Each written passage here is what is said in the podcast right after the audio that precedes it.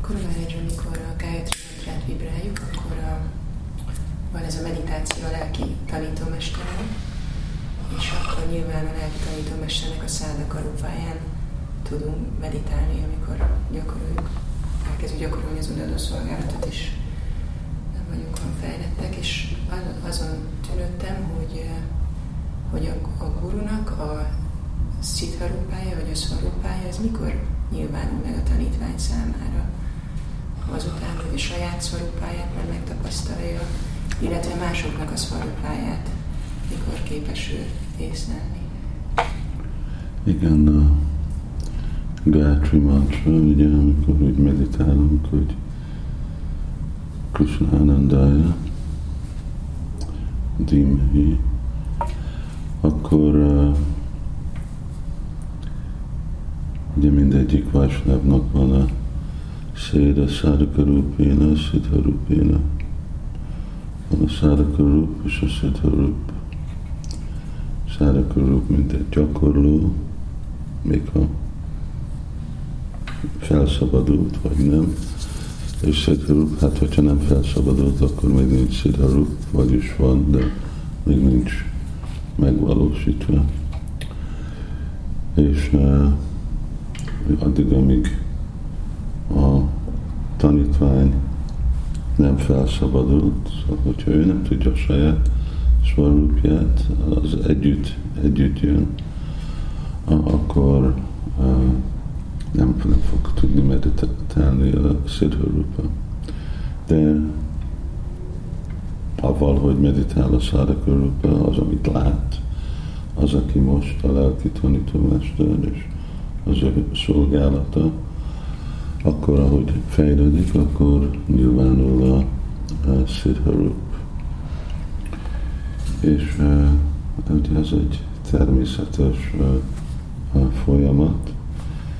Az egyik gyakorlat, ami azt jelenti, Sadhakarup, az jelenti, hogy a Vajdi Bhakti odaadó szolgálat, hogy gyakorlati odaadó szolgálata, hogy a szív tisztul az alapon át, a megfelelő hozzáállása, akkor a, avval a, a szívnek a tisztulásával, akkor időben nyilvánul, hogy bakta eljön a háva szinten, és akkor ott fogja a saját szvarup, és akkor avval minden más féle dolgok kezdenek nyilvánulni, még akkor sem tökéletes, akkor is fejlődik részletei a szarupnak, de akkor, akkor kezdődik, és akkor uh, tud valaki természetesen meditálni a lelki tanítómester Siddharupa, hát az úgy is lesz. A, a természetes uh, addig, amíg arról van szó, hogy valami kell, addig nem természetes, vagy nem spontán. Ami spontán, az önmagától történik. Az nem kell, nem kell megmondani, nem kell meghatározni, hanem az, az már önmaga történik.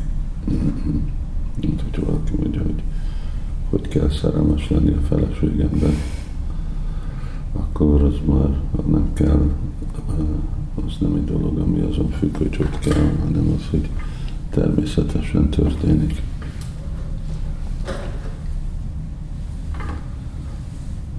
És akkor ez azt jelenti, Guru Maharaj, hogy még itt ebbe a világban, ahogy a Svarup Siddhit eléri az ember, tehát nem kell a Vastu Siddhi, nem kell a lelki világban lenni ahhoz, hogy ez meg tudja nyilvánulni? Nem, nem, nem, világban anyag, ihárjaszja, harjaszja. Itt az anyagi világban nyilvánul uh, Svarup, és a Vastu az már az, hogy az ugyanaz a Svarup, csak nincs már itt a test, hanem valaki teljesen el van merülve abba, abba a világba. És érti a saját szvarupáját, akkor másoknak is, tehát hogy most nem csak a lelki tanítómester, hanem hogy másoknak a szvarupáját is tudja látni, vagy csak azoknak, akik már maguk is megvalósították a szvarupáját? Amikor már valaki nagyon fejlett, akkor igen. Még hogyha valaki csak a kezdő szinten van a felszabadulásnak, akkor nem szükségesen. De akkor uh, igen, el, elláthatja.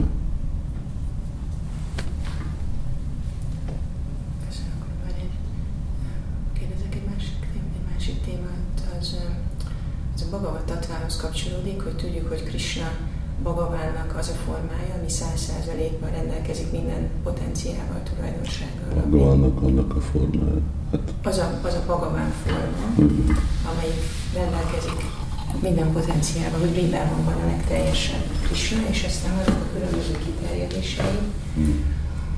mint Rámachandra és Vasavatár és annyi más inkarnáció, amelyek kisebb mértékben nyilvánítják meg a belső energiát. És az a kérdésem, hogy amikor Krishna kiterjed ezekért, ezekért a másik formáká, akkor ezt szokták úgy szemléltetni, hogy hát más a hangulata, meg más a feladata, meg más hangulatú baktákkal viszonozza a szeretetet. De az a kérdésem, hogy az a másik forma, ami kiterjed belőle, és kevesebb potenciált nyilvánít, tudna többet? Tehát, hogy Rámacsandra át tud változni Vrindávani Krisnává, hogyha olyan bakták veszik körül, vagy ha már egyszer kiterjedt és kevesebb a potencia benne, akkor már visszafelé nem változik. Hát Ramachandra meg tud nyilvánítani Vrindávani formát, de azért, mert ő Ramachandra hangulatban van, akkor még mindig uh, mindig Ramachandra, aki mutatja magát, mint Krishna. Mind amikor Narayan Gopnarnak nyilvánította Gopal, de ő még mindig Narayan. És, uh, és akkor uh, nem nem ugyanaz volt, mert Gopkumar érezte, hogy a rasa mindig más, még hogyha amit lát, az, az ugyanaz. És uh, hogy, hogy aztán visszamehet Narayan, hogy ő lesz uh, Krishna-ba, uh, hát azt, azt lehet ugye hallani, mint amikor, amikor Durkába Vasudev látta a gandarvákat szankritanozni, és ő akart szankritanozni, akkor ő ugye úgy kezdődik el a, a Gorganadestika, akkor ő meg belement Chaitanya Mahaprabhu testébe, és úgy tapasztalta azt a szankritát. Szóval inkább mi csak azt, ezt olvassuk, hogy uh, egyik forma elmerül a másikba, és akkor ő tapasztalja azoknak a pávát, annak a másik forma. Aztán, hogy hogy, hogy léteznek, ugye, béd a béd, egy és külön, egy formában, az már nehéz elképzelni, de ők úgy van, még mindig megtartják mert ők örökké szóval, amikor azt mondjuk, hogy Krishna kiterjeszti magát, mint Narayan, ez, ez nem történt valami időben, ez mindig úgy van. Szóval ő mindig marad Narayan, hogy mit tudna csinálni, de akkor már nem lenne Narayan. Szóval, hogy azt jelenti, hogy ő csak teljesen uh, visszamegy, hogy megszűnik Narayan lenni, de Narayan nem fog megszűnni lenni.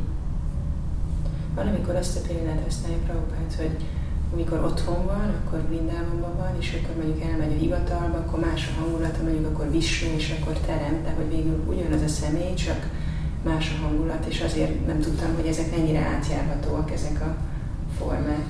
Hát ez, ez egy fél magyarázat, hogy emberek tudnak viszonyulni vele és meg, megérteni. de hogy így, el, mert, hogy így megszűnik, olyan, olyan dolog nincs. Nem, ő nem változik vissza Krisnávásra se igazából, hogy akkor ő száz százalékban nyilvánít minden.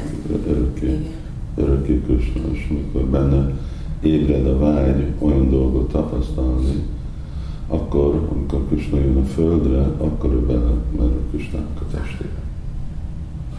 Hogy hogy tapasztalja, az egy másik dolog. De erről sokat úgy nem, nem olvasunk.